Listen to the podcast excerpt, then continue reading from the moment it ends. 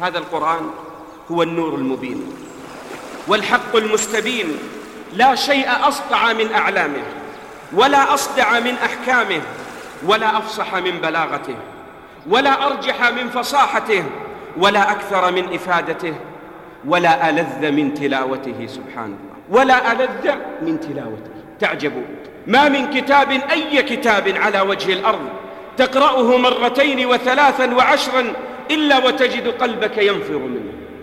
إلا القرآن. لو قرأته مرارا وآلافا بل لو كنت تختم كل يوم ختمة. وعمرك مئة سنة ما مللت من كتاب الله أبدا. لا يخلق من كثرة الترداد. بل إنك كلما انتهيت اشتاق قلبك إلى أن تتلو مرة أخرى وهكذا. هذه خصيصة لهذا القرآن. ونحن اجتمعنا لأجل هذا القرآن. إني لأعجب من حال الناس. إذ يبحثون عن سعادتهم في هذه الحياة الدنيا بغير كتاب ربهم. الله قد جعل سعادة الأمم والأفراد والمجتمعات بكتاب الله تعالى.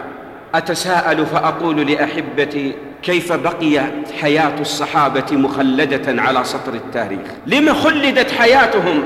ألأنسابهم؟ ألمناصبهم؟ ألكثرة أموالهم؟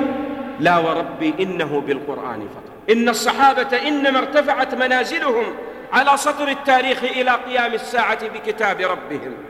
بهذا القرآن لأنهم ترجموا هذا الكتاب ترجمة سلوكية عملية.